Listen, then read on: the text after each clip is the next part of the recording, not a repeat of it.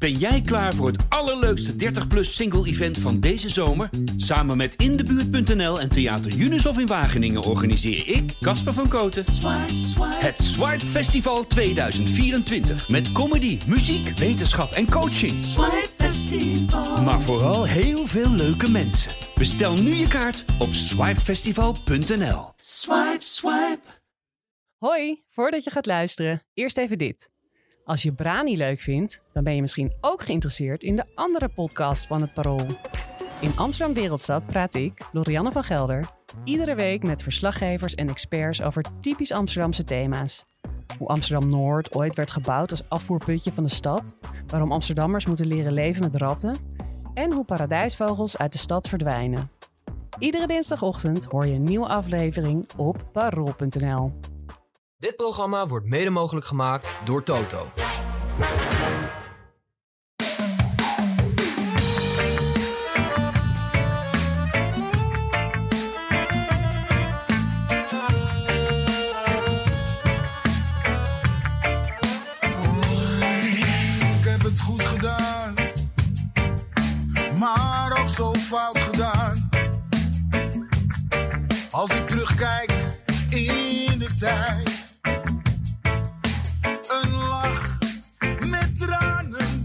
In 1958 leed Fortuna 54 in 22 duels maar één nederlaag, waardoor ze stegen van plek 14 naar plek 3 op de ranglijst. 11 plaatsen omhoog. Dat was een record, 65 jaar lang.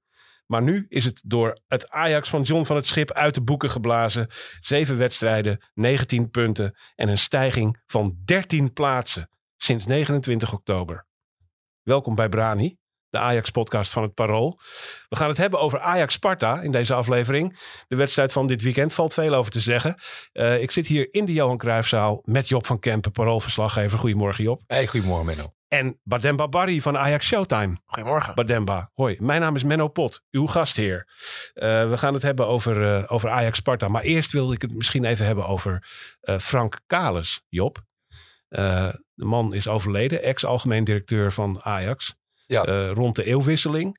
81 jaar oud geworden. Jij had een mooi postuum, necrologie over hem in, eh, in de krant. Wat kunnen we over die man zeggen? Kun jij eens vertellen wie die was? Ehm, ja, ik denk dat het, eh, het belangrijkste is dat hij eh, een beetje het ehm, tegen wil en dank eh, het uithangbord is geworden van eh, eh, de, de verzakelijking en de beursgang van Ajax. Ja. Tegen wil en dank, zeg je? Ja. Want? Ja, hij, eh, hij, hij eh, eh, Ajax was net verhuisd naar de, eh, van de meer naar de arena eigenlijk. Eh, Ja. ehm, de beursgang eh, uit 98 was net achter de rug. En Ajax had, die, had het idee om eh, die positie eh, in de Europese top eh, te continueren. Onder meer door zeg maar, de vleugels uit te slaan, mondiaal te gaan. Eh, eh, ook in de, in de zin van eh, dus het zoeken naar talent. Satellietclubs. Satellietclubs. Was het Ajax, woord. Ajax Cape Town, ja. Ja. Ashanti Goldfields in Ghana. Germinal Beerschot in België. Ehm, in Amerika een project hè, met eh, Ajax eh, Orlando en daarna werd het Ajax America. Het was eh, dat, die grote periode van expansie, een soort netwerk over de hele wereld Ja. wilden ze hebben. inderdaad, ja. Imperialisme eigenlijk. Eigenlijk, eigenlijk wel, ja. Soort, en hij, hij heeft volgens mij toen nog een, een contract gesloten met, met eh, Chivas Guadalajara in Ja. Mexico. Ja. Ehm, maar dat stuitte ook op heel veel weerzin. Hè? Support, supporters voelden zich een beetje meer klanten. eh, ehm, het gas in de arena was ook slecht. De prestaties waren ook slecht. Dus het was eh, eh, al met al een hele ongelukkige combinatie. Eh, ehm, hij, hij kwam uit de computerwereld, uit de computerwereld, internationaal bedrijf, IBM, Amer- Amerikaans. En hij was basketballer, dus een sportjongen, maar Ja. de verkeerde sport, zeg maar. En basketbal is eh, in de ogen van veel voetbalvolgers. Ehm, en eh, nou ja, dat, is, dat was een hele slechte match. En eh, dat is, uiteindelijk is dat ook heel eh, best wel droevig geëindigd, omdat hij eh, ehm, gewoon bedreigd werd door supporters. Er was een, een, een voorbeeld van. Daar was hij op een, op een avond een, met vrienden een wedstrijdje aan het spelen in een hal. Toen kwam de harde kern daar op bezoek en die wilde hem te lijf gaan. En toen is hij ontzet door een mannen met wie hij aan het basketballen was. Dus die vormde een cordon om hem heen. Ja. En hij durfde ehm, uiteindelijk ook niet meer in zijn eigen auto naar Ajax. eh, vertelde hij in een boek van eh Menno de Galant, die eh, een paar weken geleden te gast was hier. Dus dat was, uiteindelijk is dat een, een tamelijk droevig einde geworden. Nogal. Ja, Ja. en ja, tenminste zijn directeurschap van Ajax was een droevig einde. ja, Te zijn een verdediging. ja, het waren niet zijn besluiten. Hè? De verhuizing naar de arena, de beursgang. ja, eh, die, die, eh, het, besluit om dat geld van de beursgang uit te geven aan buitenlandse ondernemingen. Dat waren allemaal beslissingen die al voldongen feit waren op het moment dat hij aantrad. ja, hij werd Dus een hij- beetje de kop van Jut Ja, eigenlijk hij werd er het symbool van, terwijl Ja. het zijn eh, beleid niet was. Hij werd natuurlijk wel aangenomen omdat hij daar goed bij paste. Ja, maar het was helemaal niet zo'n kwaaie, kwaaie vent. En ook geen incompetente bestuurder. Het was gewoon, hij zat er echt met het verkeerde cv op het verkeerde moment, Ja. zeg maar. Eh, en daardoor kreeg hij de wind erg tegen. Ik herinner me dat hij bij zijn aantreden eh, een opmerking maakte in de media over dat als er een grote sponsor zou komen en er werd maar genoeg geld neergeteld, dat je dan eh, een serieus gesprek moest kunnen voeren over clubkleuren bijvoorbeeld. Of Ja. die dan aan de commercie aangepast moesten worden. Nou, als je zoiets zegt, dan ben je bij Ajax natuurlijk gezien, direct. Ben Ja. je meteen, dat wordt je ook nooit meer vergeven, ook al eh, zeg je tien keer dat dat niet zo bedoeld was. En dat heeft hij erg tegen gehad. Ja. Maar het Hij- was, hij heeft volgens mij ook dat contract met de Adidas gesloten destijds. ja, contract met Ajax. Dat viel ook niet heel lekker. Nee, maar het was wel een eh, belangrijke deal voor Ajax, die niet voor niks nu nog steeds eh, Ja. bestaat. Het, het was, eh, ja, dat ging, eh, ging om grote sponsorbedragen. En wat je ehm, eh, bij hem nog ziet, eh, en wat ook nog wel actueel is in mijn ogen, is dat ehm, hij het, het, eh, het toonbeeld is ook van de eh, complexe bestuursstructuur van Ajax. Waar aan de ene kant de vereniging de groot aandeelhouder is en de directie gewoon het, beleid eh, uitvoert. In tijden dat het sportief slecht gaat, wat er toen ging en ook dit seizoen het geval is, zie je dat de vereniging zich toch ook tegen die, die NV kan, dus tegen het voetbalbedrijf aan gaat bemoeien. Ehm, eh, en in de periode van, van Kales eh, waren eh, de bestuurders als Arie van Os en daar hebben we meer Michael van Praag, die, die waren net teruggetreden. Ehm, maar ja, die, die, die, die hadden heel lang die club dagelijks geleid en die moesten nu toezicht gaan houden. Ja, dat, is, dat was wel wennen, zeg maar. Wat het functioneren van Kales, Kales verder ook bemoeilijkte. Maar dat zie je nu dus weer. Hè? Op het moment dat Ajax heel slecht gaat, gaat de, de vereniging gaat zich ook roeren. Ja. Ja. Dus in die zin ehm, eh, zit er continuïteit in, de En dan, problematiek. Ja, of tenminste, eh, je kunt in elk geval zeggen dat de, de crisis van nu erg lijkt op die van toen in veel opzichten. Ja. Ook eh, in de zin dat Ajax zich ongeveer rond dezelfde plaatsen van de ranglijst bewoog in die tijd. Eh, toen Kalis kwam was Ajax net zesde geworden. ja, Eh, en in het enige seizoen wat hij als directeur zou afmaken, werden ze uiteindelijk vijfde. Dus zesde en vijfde plaats vlak achter elkaar. Een sportieve crisis, ja, net zoals nu. Maar ik vond die crisis van toen heb ik als veel ernstiger en dieper ervaren. Omdat het ook een totale, totale identiteitscrisis was. ja, Waarin Ajax volledig de draad kwijt was. En eigenlijk moest wennen aan zijn nieuwe status ja. de nieuwe schaal waarop het zich allemaal afspeelde.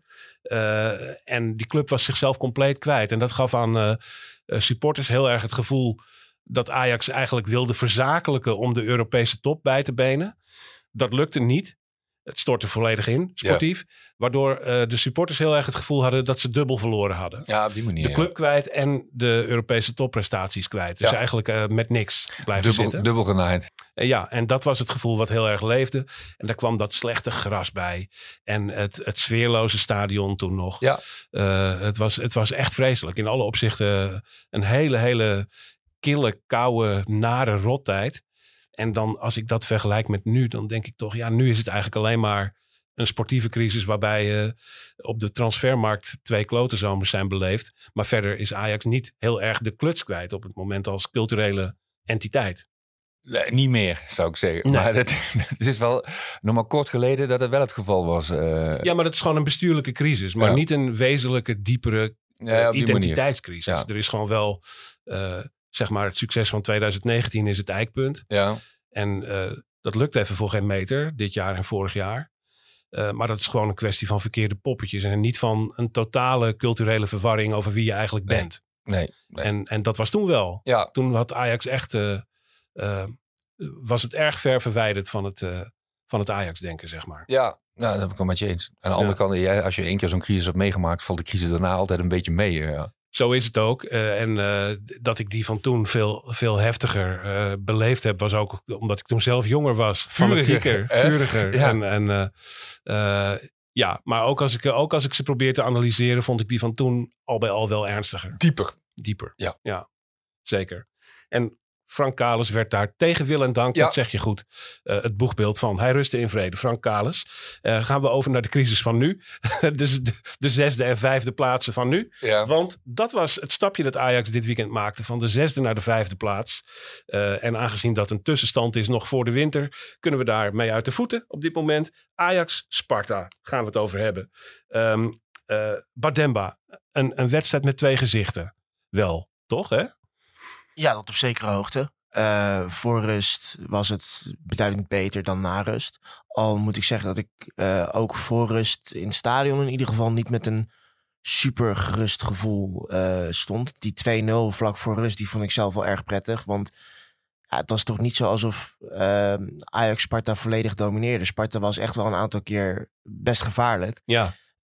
En het had ook zomaar een paar momenten eh, 1-1 kunnen staan. En zelfs 0-1, want eh, nog voor de 1-0 van Bobby kreeg Sparta een goede kopkans uit de corner. Dus ik ja, ben er eigenlijk de, de gehele wedstrijd niet volledig gerust op geweest. Ja. Ehm, maar dat de, de eerste helft beduidend beter was dan de tweede, dat mogen duidelijk zijn. Ja. Er was, er was eh, de- natuurlijk, Sparta is een van die toch vrij zeldzame Nederlandse clubs waar je echt heel erg beducht moet zijn voor de kopkracht en de fysieke kracht Ja. van dat team.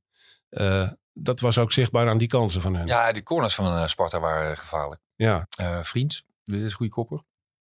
Eh, en Ajax kreeg volgens mij eh, in de eerste tien minuten eh, een enorme kans tegen.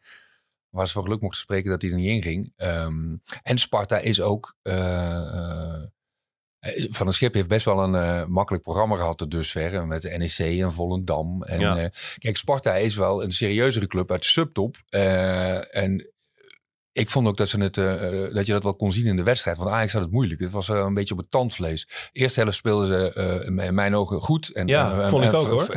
Kansen tegen, maar ook zelf veel gecreëerd. Ze hadden nog, nog één, twee goals meer kunnen maken. Ehm, maar tweede helft hadden ze, het, hadden ze het wel zwaar. Ik, ik zag Sparta in het stadion de hele tijd als een soort van zo langzaam weer naar voren komen. Naar voren. En ja, Ajax ja. kwam er niet helemaal eh, lekker onderuit. Ook omdat ze zelf balverlies leden, eh zei Van Schip. Maar ook omdat ze, dat, dat Sparta gewoon eh, Ajax best wel tegen de muur kon drukken. Echt collectief. Ja. Dus dat is een- die paarse muur die naar voren naar kwam. voren kwam, ja. ja. Het is, het, die indruk had ik heel erg. Ja. En ehm, ik vroeg eh, van Schip eh, na afloop. Ja, ik had de indruk dat Sparta conditioneel wat beter was. En dat bestreed hij eh, in zekere zin. Omdat hij zei, ja, we, we, we laten Sparta er ook beter uitzien. Doordat we zelf balverlies leiden op het moment dat we naar voren gaan. En nog niet helemaal compleet zijn. Oh dus ja, moeten we dat? terug. Ja, Dat verbaast me een beetje eerlijk gezegd. maar hij wisselde vier keer. ehm, en, en er waren twee wissels bij Bobby en Bergwijn. eh, die eh, op advies van de medische staf naar de kant werden gehaald. Want die kampen met pijntjes, spierblessures. Eh, Bergwijn vertelde na de hand dat hij het last had van Lies. Ehm, Hmm. En Lienson ging eruit. en Marta ging er ook uit. Twee spelers die eigenlijk dit seizoen nog een beetje bij jong Ajax. Of tenminste Marta zeker. Lienson, dan keek ik... eh, Die is officieel doorgeschoven. die is officieel doorgeschoven, ja. Eh, dus dat die moeite hebben met het zwaarder programma en de hogere eh, eh, eh, belasting, dat is logisch. Maar Ja. ze, ze liepen een beetje op een tandvlees eigenlijk. Eh, eh, maar dat pakte wel goed uit nog op het einde. En Ja. ja. Gek eigenlijk dat Ajax... eh, ik, ik vond de eerste 20 minuten sterk. Echt goed. Ajax, hoog tempo. Werd lekker gevoetbald. Ik vond het eigenlijk een heel overtuigend begin. Daarna zie je dat, wat je zegt, al in de eerste helft een beetje inzakken. En dan krijgt Sparta ineens kansen. Opvallend is wel dat eigenlijk in die tweede helft, waarin Spa- Sparta veel dominanter werd, dat juist in die helft Sparta bijna niets meer creëerde. Hè? Of tenminste weinig eigenlijk. Ja. Gaf Ajax toch weinig weg. Ja, en ik denk dat dat eh, een trend is die je al langer ziet. Tegen Marseille was het denk ik in dat opzicht een negatieve uitschieter. Maar bijvoorbeeld ook tegen NEC eh, hadden we het vorige week ook nog over. Dat was ook spannend, maar ja, het was niet dat Ajax nou enorm veel kansen tegenkreeg of iets dergelijks. Ja. De verdedigende organisatie, waar echt nog wel eh, werk in zit en wat echt nog wel beter moet, staat wel gewoon al een stuk beter eh, nu onder Van Schip. nu Van Schip, wat is het, ruim een maand de tijd heeft gehad om met deze groep te werken. ehm, dan dat eh, eind oktober stond toen, toen Stijn net ontslagen werd. Ja, ja. Het, was, het, het valt- verbaast me ook dat Van het Schip dat zegt eh, dat hij het alleen maar over balverlies heeft. Ja. Want hij heeft zelf toch ook erkend dat Ajax conditioneel qua fitheid eh, een flinke achterstand in te lopen heeft. Ja, hij, nou ja, de, hij wil zich daar nooit uitspreken over zijn voorgangers. Maar hij zegt wel, we moeten anders gaan trainen. En we zijn anders gaan trainen. Ja, Eh, en dat, dat is Ajax ook gaan doen. En mede als gevolg daarvan zie je volgens mij dat, eh, dat spelers wel een beetje eh, eh, tegen het rood aanzitten en soms eroverheen gaan. ja. Maar in principe is dat een goede ontwikkeling, eh, denk ik. Ehm, kijk, want als je... Maar even dus die, die twee veel bekritiseerde wissels in Ja. de 65ste minuut. Toen Ja. kwam Ekpom voor Brobby en Banel kwam voor Linson. ja, Eh, eh, Brobby en Linson, twee van de beter op het veld op dat moment. Ja. Die moesten eruit. Dat had dus die medische reden dat ze in het rood zitten. ja. Nou, Linson niet, die was eh, moe, eh Ja. pijpleeg. Maar, maar Bobby was weg uit, me- uit, uit, uit medische voorzorg. Precies. Ja. Ehm, en dat pakte niet goed uit. Ja, want Bobby eh, speelde wederom een hele goede wedstrijd. Dus die wil je in principe laten staan. Omdat hij veel completer is dan, dan Akpom. Of Ekpom, ehm, al naar gelang. ja. Ehm, je, kunt hem eh, in de diepte aanspelen. En, en je kunt hem eh, met een man aan zijn rug aanspelen. Dus eh, Vond jij het, eh, want we zitten nu met Brobby in de, de publieke percepties. eh, Het is bij Ajax altijd we schieten van eh hemelhoog, jauchzend. ja, Voor de tode- tode betrübt. ja, juist. Eh, bij Brobby zitten we inmiddels eh, bijna op het eh, niveautje wereldklasse. Eh, ja, eh, ja. De spits van Oranje voor de komende tien jaar. eh, die ons ongetwijfeld ook wereldkampioen gaat maken, et cetera, et cetera. ja. Is dat overdreven of is het, eh, ja, is het zeker. zeker. Zeker overdreven. Ik denk, ik vraag hem maar heel suggestief. Ja. Eh, ja, hij doet het goed. Hij doet het goed, ja. Er zit natuurlijk wel een. eh, hij, hij doet het steeds beter eigenlijk. Daar, hij, hij speelt gewoon goed. En die, Waar zit het hem in? Kun je dat benoemen? Wat, wat, hem, wat hij echt beter is gaan doen? Nou, ik vind dat hij veel beter is gaan afronden. Eh, de doelpunt tegen Sparta ook. Hoe die, hoe die dat doet, dus zeg maar hoe die om zijn as heen draait en eh, eh, zijn tegenstander vriends gebruikt als draaipunt. De controle die je daar eh, fysiek voor moet hebben en de balcontrole die, daar, die je daarvoor moet hebben met zijn linkerbeen. Hè. Hij is rechts van origine. Ja, dat, is- dat, dat is best wel fijn besnaard. En ehm, eh, hij is de, eh, ook tegen eh, Marseille. Die doelpunten die hij maakte, dat zijn best wel fijn besnade doelpunten. Het is Ja. niet, het is niet een soort ram om nummer één goal. Het is bekeken en wel- overwogen, bedacht, uitgekiend. Ja, en daar, ik vind dat hij dat veel beter doet. Terwijl er volgens mij nog wel, hij kan, koppend kan hij volgens mij ook nog veel beter worden. Ja, wordt aangewerkt met John Bosman. Ja, ik weet niet of dat inmiddels begonnen is trouwens. Ja, geen idee ook. Nou, hij zei tegen NEC Nog eh, nog niet. Nee, klopt. Dus, Nee.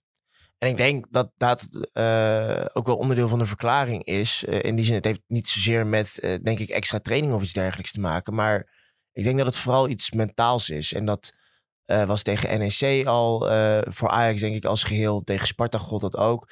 Dit waren denk ik wedstrijden die eh, je een maand of twee geleden...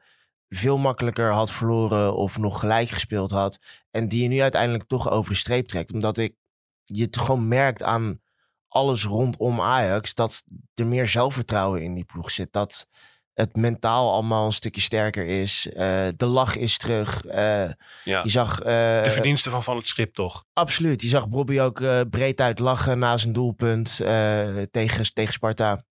Dus ik denk dat dat oprecht eh, een enorm belangrijke rol speelt gewoon in hoe het Ajax nu vergaat. Ja. Zowel dat Bobby scherper lijkt in de afronding. Want qua spel vind ik hem eigenlijk even goed spelen. eh, hetzelfde doen. Qua bal vasthouden, doorbewegen, doorcombineren. eh, als eerder in het seizoen onder Stijn al. Ja. Dat was toen eigenlijk de tendens. Hij speelt wel goed, alleen hij benut zijn kansen niet. En je ziet de laatste wedstrijd dat hij ook zijn kansen aan het benutten is. Ja, en dan krijg je inderdaad al gauw die superlatieven van de, de spits van Oranje voor de komende tien jaar. Is wel interessant wat jij zegt. Jij zegt hij speelt eigenlijk even goed als hij al deed aan het begin van het seizoen. Eh, van iemand als Marco van Basten kreeg hij in de eerste weken van het seizoen harde kritiek over zijn spel.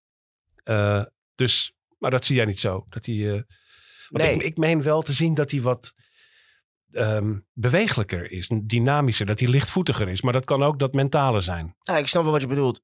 hij is eh, absoluut eh, beter nu dan eerder in het seizoen. Alleen ja, in het spel van Ajax, eh, gewoon in, in het open spel zeg maar, vind ik hem niet zo significant verbeterd. In die zin dat waar de grootste verbetering in zit, is dat hij nu gewoon een stuk scherper lijkt voor het doel. Ik heb de statistieken zo snel niet voorhanden, maar nou, ik heb toch het idee dat hij uh, het aantal echt grote kansen wat hij in de afgelopen wedstrijden gemist heeft, uh, gemist heeft, een stuk lager ligt dan eerder dit seizoen. Ja, en in elk geval het aantal dat erin ging ligt een stuk hoger. Dat is makkelijk tellen. Precies. Um, en ja, in het spel, en dat heeft misschien ook wel te maken met uh, zijn teamgenoten die gewoon beter spelen, waardoor hij in die zin ook effectiever is. Dat zie je tegen NEC en tegen Almere City, um, waarin hij een aantal hele goede assists heeft. Doordat het ja, het geheel om hem heen ook beter functioneert, functioneert hij daar ook weer beter in. Ja. Maar nee, hij was ook wel uh, geraakt door uh, die opmerking van Basten. Althans, hij probeerde het tegendeel. Dat, dat helpt natuurlijk ook. Dat je, hè? Ja. Rancune is ook een drijfveer. Ja, ja, ja, zeker. Vond ik ook wel mooi om te zien eigenlijk. Dat, uh, dat ja, zo'n opmerking van een grote spits uit de Ajax-traditie, dat hem dat iets doet. Ja, wat zei Cruijff altijd. Hè? Als, als, als ze niet meer tegen je zeiken, dan, uh, dan denken ze dat je het überhaupt niet meer kan. Dan heeft het geen zin meer ja. om iets ja. te... Dat is natuurlijk wel zo, omdat dat, denk ik, Van Basten natuurlijk wel potentie in hem ziet. Ja. Uh, die er niet helemaal uitkomt. Dus ja, dan, dan, dan zeg je iets en dan hoop je misschien uh, ervan uitgaande dat Van Basten het beste voor heeft met, met Ajax en, en misschien het Nederlandse voetbal. Uh, dan hoop je dat er iets meer uithaalt. Nou, ik vind wel dat, dat, dat hij daar een beetje op reageert. Hij, hij, hij doet sommige dingen wel beter dan hij ja. gedaan heeft. Hij heeft Van Basten ook genoemd. Ja, klopt. En, Koem, en Koeman ook, volgens ja. mij. Ja. Maar hij moet fit worden. Hij is niet fit, want hij, uh, uh, en dat had hij vorig seizoen ook. Dus dat, dat baat mij een beetje... Nou, zorg is een groot woord, maar dat zie ik wel een beetje een, uh, als een belemmering voor zijn toekomst. Dat, dat hij, hij, zijn lichaam reageert in principe ook op de, de andere trainingswijze van Van Schip, zou je kunnen zeggen. Omdat hij, hij Nederlands elftal was hij niet bij. Uh, uh, hij werd uh, zaterdagavond uit voorzorg gewisseld. hij is niet heel zwaar belastbaar. Nee. Nog steeds niet. Nog steeds niet, nee. En dat, ja, dat vind ik ook wel meevallen. Kijk, hij heeft nu inderdaad uh, natuurlijk met de laatste interlandperiode heeft hij hem over moeten, die heeft hij over moeten slaan. En daarna heeft hij alleen tegen Marseille heeft hij de 90 minuten volgemaakt. Um, maar als je kijkt naar eerder dit seizoen, uh, wat ik vorige week ook al zei, hij heeft, dit seizoen heeft hij. Ja, maar dat was onder. Ja, ja, maar hij heeft dit seizoen 10 wedstrijden, heeft hij de 90 minuten volgemaakt. Ook de eerste serie wedstrijden onder, uh, onder Van Schip, waarin hij gewoon de 90 minuten volmaakt. Uh, en nu komt hij dan, um, ja, als misschien wel deels als gevolg daarvan, ook omdat hij onder Stijn toch een van de weinigen leek die wel alles gaf, die wel 100% ging, die wel iedere keer tot het gaatje ging, dat er wel sprake is van wat overbelasting. Uh, en dat er nu uit voorzorg inderdaad met een belangrijke Europese wedstrijd uh, op het programma met de winterstop vlakbij, dat er niet al te veel risico met hem genomen wordt. Maar het idee dat hij niet fit is en dat uh, dat in die zin vergelijkbaar is met vorig seizoen, nou ja. vind ik toch wat gechargeerd. Ja, zou, maar... zou, zou toch prettig zijn als hij gewoon uh, drie wedstrijden, wedstrijden een week volledig kon spelen. Ja, absoluut. Maar dat, dat heeft hij gedaan. Dat heeft hij eerder dit seizoen maar dat heeft, dat heeft hij gedaan. gedaan. Maar, maar toen de, uh, en dat, dat probeer ik uh, te schetsen. Op het moment dat, dat de trainingsmethode bij Ajax verandert. Dus dat de, hè, van Schip intensiever gaat trainen, korter sprintweg. Dan merk je bij hem dat hij weer even een soort terugslag krijgt. En het zou fijn zijn uh, als, uh, als hij daarin gewoon meegaat zonder, zo, zonder uh, terugslag. Ja, en gewoon je, het, alleen al het feit dat hij zich afmeldt voor het Nederlands elftal en dat hij nu in de 65ste minuut naar de kant ja. gehaald wordt, geeft aan dat hij op het randje van het rood zit, ja. permanent. Ja. En dat daar heel voorzichtig mee gedaan wordt. Ja. Dus hij is nog altijd in die zin niet de onverslijtbare beul nee. die die fysiek in, in, potentie zou kunnen zijn. Nee, het is in principe, ja, het is wat topsport is. Hè. Dat is een beetje balanceren tussen, tussen een optimale prestatie en overbelasting. Ja. En bij hem is het nog altijd zoeken geblazen. En die, die, die overbelasting, uh, uh, die vindt dan wel plaats binnen die 90 minuten en niet, en niet daarna. Dus hij, hij moet nog wel uh, een beetje beschermd worden. En het zou fijn zijn als hij dat niet heeft. Hij is de sleutelfiguur in beide Ajax-doelpunten eigenlijk. Hè. Die eerste maakt hij zelf uh, op het hakje van Taylor. Heel artistiek, met een klein beetje geluk. Prachtig wegdraaien en met links uh, uh, afmaken. Um, de tweede goal bij die penalty Ja. is hij betrokken. Eh, kun je eens over dat moment vertellen, Job? Ja. Was het een penalty? Ja, het was de, ja eh, hij wordt geraakt eh, door Olij, de keep, door de keeper. Eh, gevloerd in de 16. eh, dus in die zin, maar hij kwam volgens mij, hij zou nooit meer bij die bal zijn gekomen. Nee. Ik, maar dat, dat geldt nooit als criterium, geloof ik, bij scheidsrechters. Nee, dat is altijd een. Dat zie je op de social, sociale media dan veel. Dat, dat mensen dan moeite met zo'n strafschop hebben. Maar dat is een zelf, zelfbedacht criterium. Ja. Wat vond jij bij Demba? Ja, ik, gewoon 100% strafschop. Vond ik Bobby, ook. Bobby doet dat hartstikke slim. Eh, Ja. En bedoel, volgens mij is de regel in het voetbal niet dat alles geoorloofd is ehm, als er geen doelgevaar ontstaat of iets dergelijks. Of de bal niet in de buurt is. Precies. Bobby tikt heel slim de bal weg. Eh Olij moet risico nemen, moet uitkomen daar. Eh, en Bobby maakt er handig gebruik van. Ik, je kunt het een beetje omdraaien dan op zo'n geval wat mij betreft. Hoe had een scheidsrechter het kunnen verkopen om hier geen, penalty, Nee, ja, het is een strafschop. Eh, het is er één. Ja. Eh, hij, hij lijkt die bal niet meer te halen, maar haalt hem wel. Hij tikt hem aan. Ja. En op dat moment wordt hij onderuit Ja, gehaald eh, maar, maar goed, het vervolg eh, eh, Hij had was er nooit- hij nee, had er- nee, dat klopt. Maar hij had er niks meer van kunnen Maar dat, brouwen. dat, maar, dat telt niet. Nee. Hij wordt eh, onreglementair eh, onderuit gehaald. ja. Fruit strafschop. En dat is eh, bij Ajax eh, sinds uh, Bergwijn bijna altijd een doelpunt. ja, zelfs als hij eh, helemaal met groene laserstiftjes eh, ja, in zijn ogen gek wordt geschenen, dan, dan nog schiet hij hem erin. Eh, tegen de tegenstander waar we het zo meteen nog even over gaan hebben. Ja. Even iemand anders eruit lichten, Job. Eh, ehm, Divine Range. Ja. Stond weer op zijn oude vertrouwde positie van rechtsachter. Ja. Omdat Anton Guy geblesseerd niet van de partij was. Ja. Soetalo terugkeerde in de ploeg. Ehm, en daardoor was uh, Rens weer rechtsachter. Speelde een sterke pot. ja, hij speelde goed, ja. Ja. Ehm, ehm, ik herinner me als ik terugdenk aan die wedstrijd nog een paar rushes van hem. Ja. Uh, in de tweede helft ook. Dat hij met zijn linkerbeen nog vrij dicht bij een doelpunt was. Uh, en verdedigend was hij, was hij ook in orde volgens mij. Dan moet je even terugdenken. Ik heb het niet meer helemaal helder voor de geest. Niet elk moment. Maar hij wekt op mij een, een solide indruk. Dus hij, speel, hij speelde goed, ja. Ja. Beter dan, uh, beter dan Guy in mijn ogen. Ja, ja, op deze avond zeker. Ja, Sutelo was niet zo goed, vond ik. Nee, hè? Beetje toch, het blijft onzeker. Ogen, ogen bij die man. Op het moment dat in de tweede helft dat Ajax zeg maar wat meer onder druk kwam en uh, uh, uh, de stress een beetje toes, toenam ook, ging hij wel weer fouten maken die we in het begin van dit seizoen ook gezien hebben. Ballen inleveren en, eh, en dat soort dingen. Ja. Hij was nog niet helemaal okselfris, zeg maar. Nee. Om op Rens terug te komen, ik denk dat het thema fitheid daar ook wel op gaat. Um, want ik denk dat Rens nu wel meermaals in Ajax 1 heeft laten zien wat voor potentie hij heeft. Alleen één ding wat hem natuurlijk ook enorm tegengezeten heeft de afgelopen seizoenen... is dat hij regelmatig geblesseerd was. Een paar wedstrijdjes hier, een paar wedstrijdjes daar moest missen. Zo natuurlijk ook niet echt in een ritme heeft kunnen komen. Um, dus je hebt het, uh, Job heeft het over de andere trainingsmethode van, van Schip. Ik ben heel benieuwd wat dat uh, met Rens gaat doen. Um, want als hij fit is, zag je tegen Sparta ook weer... is het in potentie gewoon een uitstekende verdediger. Uh, en iemand waar Ajax echt wel heel veel plezier aan kan beleven. Uitstekende voetballer ook Uitstekende echt. voetballer, ja. Ja, ja. En over, ja. die, over die trainingsmethode. Dit, dit, in principe is het ook een selectiecriterium voor het volgende seizoen. Um, dus als je dit seizoen uh, uh, goed intensief traint en, en uh, ervoor zorgt dat je aan het einde van het voetbaljaar een topfitte selectie hebt. Iedereen, er zijn ook spelers, er zullen ook spelers zijn die dat misschien niet kunnen bijbenen.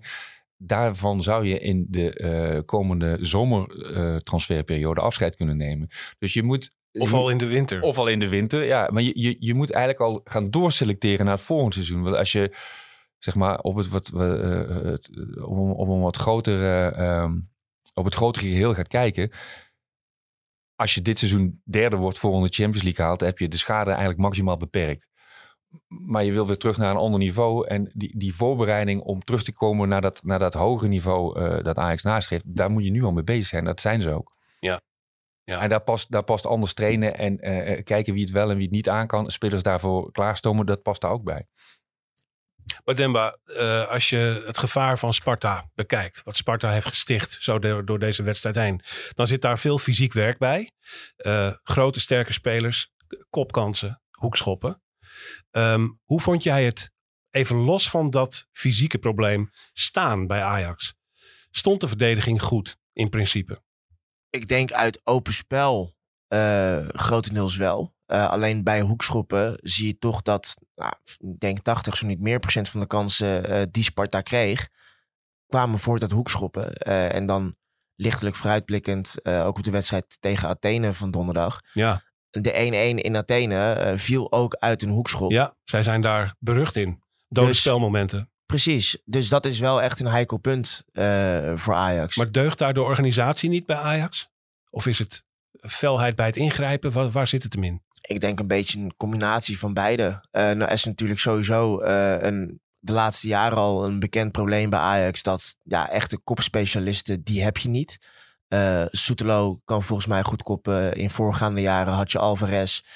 Hato doet het op zich redelijk in, in kopduels. Maar veel verder kom je toch eigenlijk niet. Wat Job net ook zegt. Een Bobby, hè, sommige teams kunnen een spits terughalen bij een corner. Uh, dan helpt mee verdedigen. Maar Bobby is ook geen kopspecialist. Dus ja, daar zit wel echt een, een groot gevaar voor Ajax. Een groot risico. Ja, beter opletten bij die corners. Zeker ook tegen AEK. En zelf aanvallend corners, hoe zit dat? Ja, ik zit nu even terug te denken, maar ik kan me ook niet herinneren dat Ajax recent uit een corner zelf gescoord heeft de corners werden wel uh, toen Van de Bomen uh, ze een tijdje nam, was het gevaarlijker. Sowieso alle, alle dode spelmomenten. En nu heb ik Berghuis tegen Sparta een aantal corners zien nemen. Waar op zich best een aantal goede tussen zaten. Waar die bal vrij scherp en hard voor het doel kwam. Alleen ja, als je bezetting voorin, uh, Bergwijn, nou die kreeg ook een kopkans nog. Nou, zag je ook weer dat is geen echte kopspecialist. Nee. Um, een Linson, Taylor. Ja, het, het, zijn allemaal, dat mag je ook niet verwachten van de jongens. Want zulke spelers zijn het gewoon niet. Mhm. Maar het, het, loopt niet over van het koppend vermogen bij Ajax. Nee. Wel een lichtpunt Taylor, hè? De laatste weken goed. Uh, Deze ook weer. Ja. ja. Opgebloeid. Opgebloeid. Het Ja. van het schip effect. Ja. Ja, maar ik denk ook dat hij nu, ehm, zeg maar, in de rol speelt waarin hij gewoon van eh, het meest van waarde kan zijn voor Ajax. Als nummer 8 met loopacties naar voren. Je ziet ook dat, dat was eh, begin vorig seizoen ook, de eerste wedstrijden onder Schreuder, zag je ook dat hij in de laatste 30, 40 meter van het veld, zeg maar, dat hij daar toegevoegde waarde heeft voor Ajax. Zowel in de combinatie eh, als in het potentieel opduiken in de 16 en daar een assist leveren of een, uh, of een doelpunt maken. En hij is natuurlijk al op meerdere posities is hij geprobeerd. Op 10 kwam het er niet echt helemaal uit, want dan, dan staat hij er al te veel en is hij eigenlijk net niet vroeg genoeg betrokken uh, in de aanval. Op 6 is hij eigenlijk weer juist te vroeg betrokken in de aanval, waardoor hij te veel achterin blijft hangen. Dus ja, als, als lopende slash doorvoetballende acht denk ik dat hij het beste tot zijn recht komt. Uh, en dan zie je dat het best een leuke voetballer is. Ja, ja. echt dat box-to-box idee. Wat zou jij doen, Menno, uh, tegen uh, AEK of AEK? Zou je um, Marta opzetten of Sosa opzetten? Um, ik, ik zou gaan voor Sosa. Ja? Want ik wilde, ik wilde over Marta nog wel zeggen, hij, hij is, ik vind hem goed. Heeft het hartstikke goed gedaan. Uh, heerlijke speler voor de toekomst. Maar ik vind dat hij, ik geloof wel dat hij terug is aan een uh, klein stapje terug nu even ja. uh, in, in de luwte. Want ik vind, ik vind kwetsbaar worden. En dan denk ik dat ik tegen Aik voor Sosa zou gaan. Maar Demma, jij? Ja, ik zou toch nog steeds Marta opstellen. Omdat ik Sosa schijnzekerheid vind. Ik, ik dat ben is met, daar zit ook wel mijn twijfel. Want Sosa is natuurlijk ook niet zo'n gegarandeerde factor. Nee. Precies, en dat is ja, misschien meer uh, ten nadele van Sosa dan dat het uh, ten faveur van Marta is. Ja. Uh, want Marta ook bij die 2-1 lijkt enorm verdwaald, die 2-1 van Sparta. Ja. En ook tegen NEC, toen NEC de 2-1 maakte, zag je er niet lekker uit. Je ziet daaraan, dat zei Van het Schip ook achteraf, het is geen verdediger. Mhm. dat, ja, hij speelt ook pas een, dit seizoen eigenlijk consistent op linksback. Dus dan heb je het over drie, vier maanden. Ja. Maar ik vind hem voetballend nog altijd meer bijdragen. Daar zag je ook een aantal acties tegen Sparta waarin hij voetballend juist wel een enorme bijdrage had. Um, en ja, ik blijf het zeggen over Sosa. Los van de uitstekende voorzet die hij heeft, heb ik eigenlijk nog niet gezien wat hij nou echt toevoegt. En verder is het volgens mij vooral veel status. Bundesliga-ervaring, Kroatisch international, Ja. heeft WK gespeeld. Allemaal waar. Ben ik met je eens hoor. En die flankengod-reputatie van hem, die kwam er alleen in Utrecht even. Flankengod? Ja, flankengod noemen ze hem in Duitsland. Vanwege zijn voorzitter. Dat weet je, dat weet je Job. Eh, nee, dat wist ik niet. Nee, zo noemen ze hem. Hè, Misseling, dat was diamantenauge. En, en ja, ja, ja. Sosa was flankengod. ja ik ken maar de, de bananenflanken ken Alleen ik ook in, nog wel. alleen in Utrecht hebben we dat eigenlijk twee keer gezien. En daarna eh viel Ja, die tegen Marseille ook. eh, thuis. en tegen Marseille, ja. Daar heb ik nog een, een quiz van. De bananenflanken. Van wie was die? Nou, ik weet wat het is, maar ik weet niet wie dat er specifiek eh, dat... eh, nee? Nee? zeg eens. Volgens mij was het Manny Kals. Manfred. Ja, Manfred Kaltz. Ja, maar goed, dit is hij. Nee, maar ik wist niet dat hij... eh, ehm, eh, je zou over hem kunnen zeggen... ehm, hij komt niet zo vaak in de gelegenheid om eh, die voorzet te geven. Nee, maar je- het, het spel van Ajax loopt nu ook eh, eigenlijk het hele seizoen al, en zeker de laatste wedstrijden, heel goed vanuit de combinatie via Bobby voornamelijk. Eh, en Bobby is ook niet echt het type spits dat leeft van een voorzet. Dan heb je veel meer aan een ekpom in de spits. Mhm. Dus het idee van bijvoorbeeld een Forbes op linksbuiten inzetten of een, een Sosa op linksback erbij brengen op het moment dat er meer ruimte achterin gaat komen en je wat meer op de counter gaat spelen, dan kun je eh, met een Sosa en een Ekpom voorin eh, kun je inderdaad op de voorzet gaan spelen. Alleen je ziet gewoon dat uit het combinatiespel dat Ajax normaal gesproken speelt, er veel minder voorzetten ontstaan. Eh Bobby veel minder een spits is eh, die daarnaar op zoek is, die de bal veel liever over de grond in de voeten heeft. Ja, en dan eh, is Sosa zijn meerwaarde toch al gauw een stuk minder. Ja, Ja. Ik, ik zou... Ik zou Het is, ik, het is een, een beetje een, een twijfelpositie. ik zou Zeker ook tegen Ajax, want die waren over rechts het gevaarlijkst ja, in, de, in de eerste wedstrijd, voortdurend. maar ik, ik, eh, ik zou toch ook zo zou opzetten, moet ik eerlijk zeggen. Ja, Sorry, toch, maar ja, wel? ik zou dat wel doen. Omdat, omdat die verdediging toch nog- net, een, is- net iets beter is dan, eh eh, dan Marta. En dan, dan eh, voetballend is hij misschien iets minder, maar ja, ik zou, ik zou hem wel eh, spelen. En ja, goed. Ja, en eh, voor de rest kan het blijven staan zoals het is. Eh, eh, is, is, dat, is, het gunstig, denken jullie, als eh eh, Ajax Conference League gaat spelen? ja, Jij? Ja, ehm, als supporter zeg ik ja, het is mij een beetje om het even. Kijk, het allerbelangrijkste is dat je dit seizoen eh, eigenlijk gewoon derde wordt. eh, en ja, dan maar in de beker bij wijze van spreken wat succes boekt. Ik geloof niet zo in enorm Conference League succes of iets dergelijks. Dus in die zin voelt het een beetje als... in de eh, zin van dat het mogelijk is of dat, je, eh, of dat de allure eraan ontbreekt.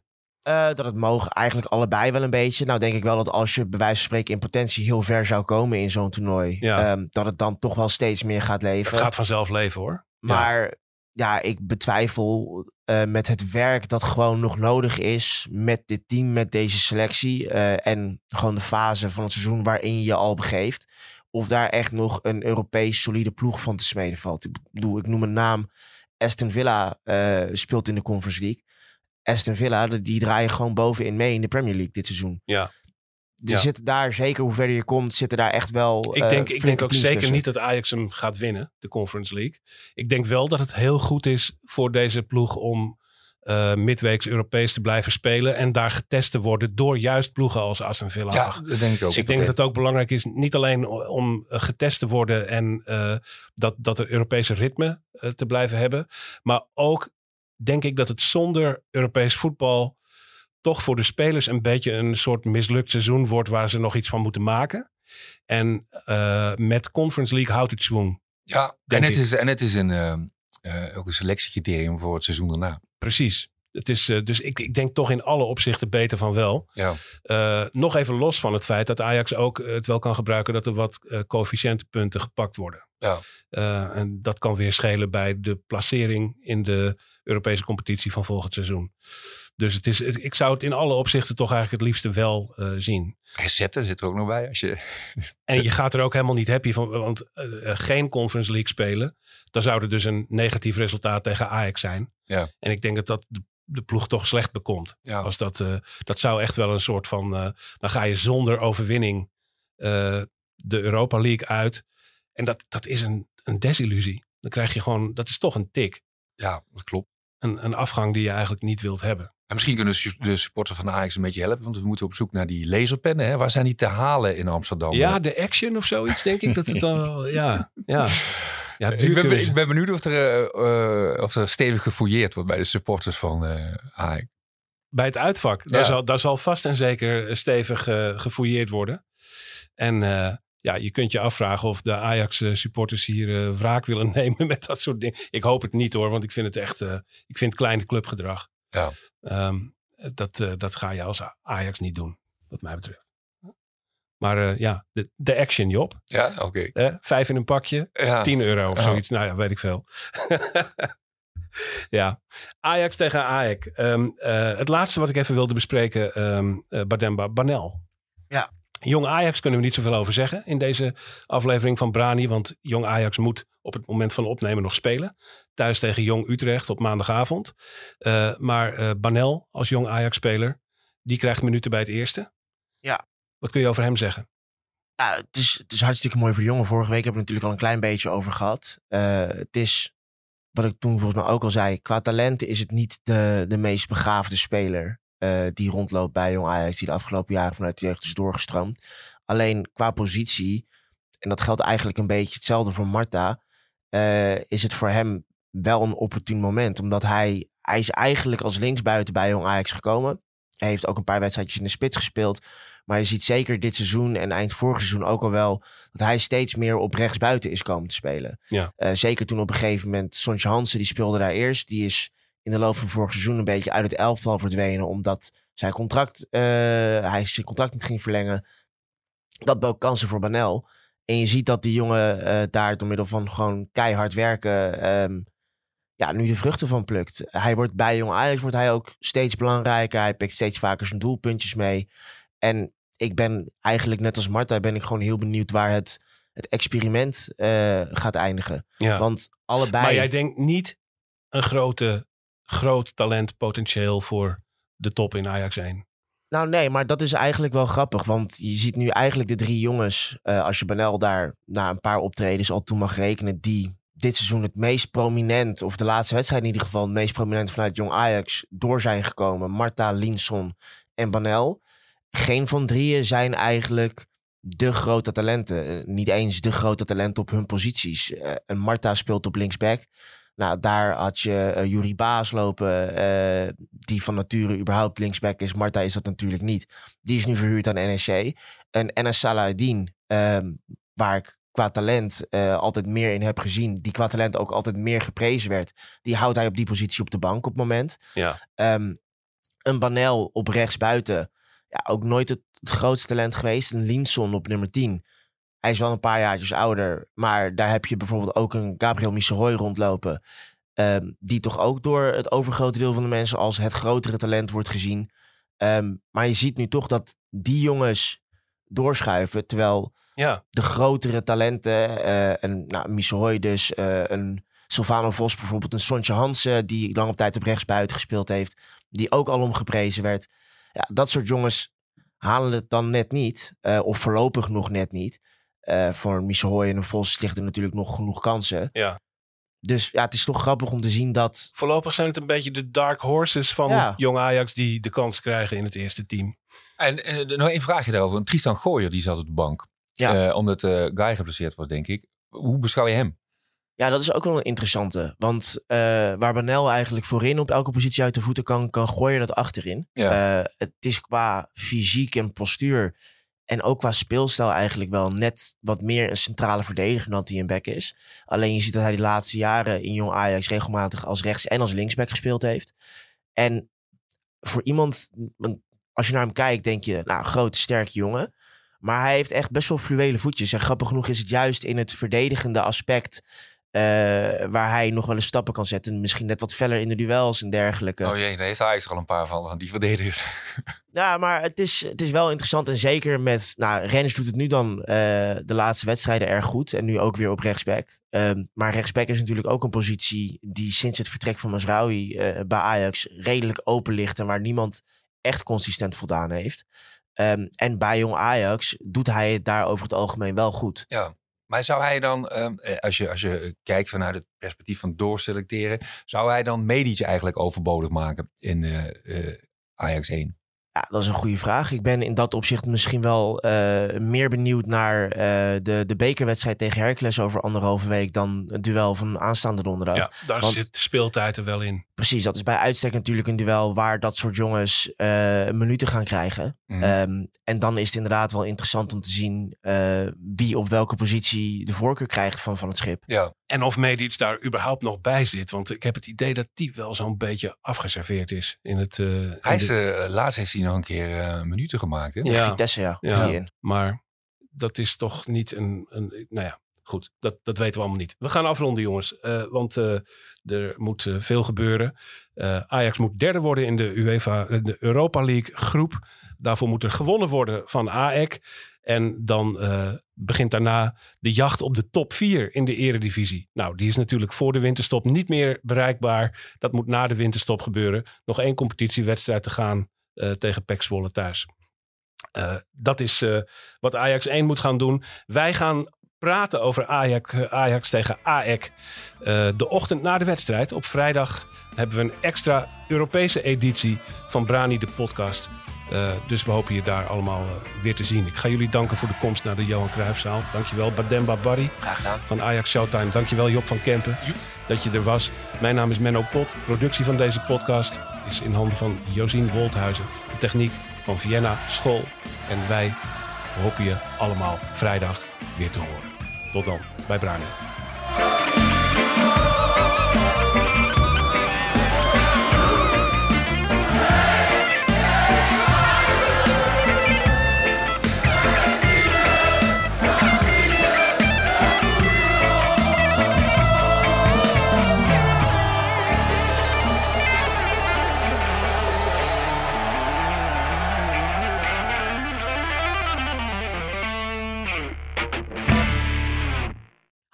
Ik ben Camilla Leupen, hoofdredacteur van Het Parool. Heb je genoten van deze podcast? Dan vind je onze artikelen misschien ook interessant. Een abonnement heb je al voor een paar euro per week. Je kan het ook eerst een paar weken proberen. Ga naar parool.nl slash podcastactie voor een actuele aanbieding. Dag!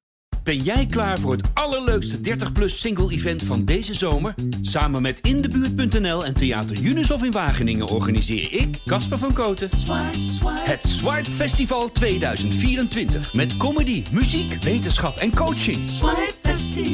Maar vooral heel veel leuke mensen. Bestel nu je kaart op swipefestival.nl. Swipe, swipe.